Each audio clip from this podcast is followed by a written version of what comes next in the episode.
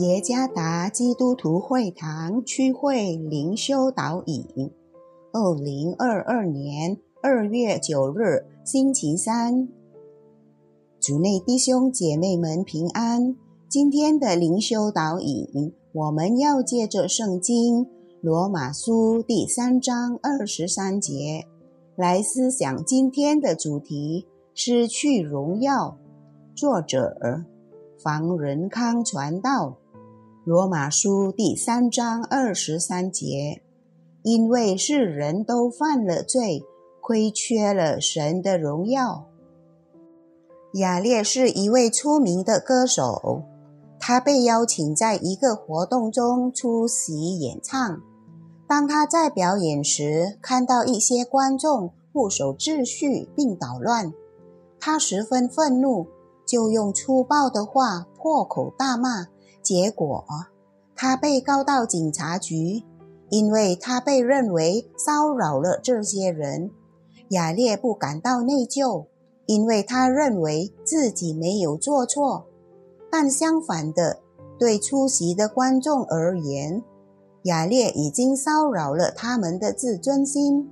这故事显明了陷入罪恶中的人是多么的脆弱。只为了保持自尊，轻易地卷入冲突中，并感到被骚扰。今天的灵修经文，使徒保罗很严肃地说：“因为世人都犯了罪，亏缺了神的荣耀，不论是何民族、国家或个人，都已犯了罪，并失去其荣耀。”全人类都处于相同的状态，上帝的形象在人身上已被破坏了，同时失去了覆盖着他的上帝之荣耀。这是因为亚当和夏娃堕入最终，使人类遭到与上帝永远分离的后果。因此，人类轻易发怒，充满仇恨、冲突。行恶和做许多污秽不堪的事，直到今日，这罪恶仍旧传承给所有世上的人。因这缘故，人类需要从上帝而来的义。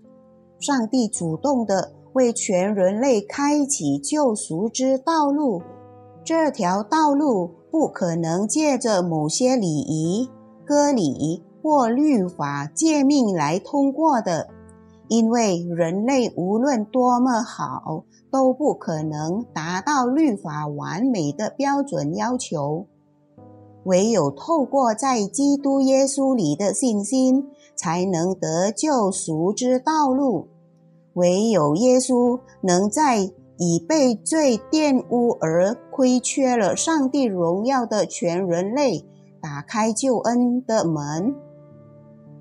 人类因被罪玷污，导致失去了上帝的荣耀，而只能借着基督耶稣赦罪保血的能力来恢复。主耶稣赐福。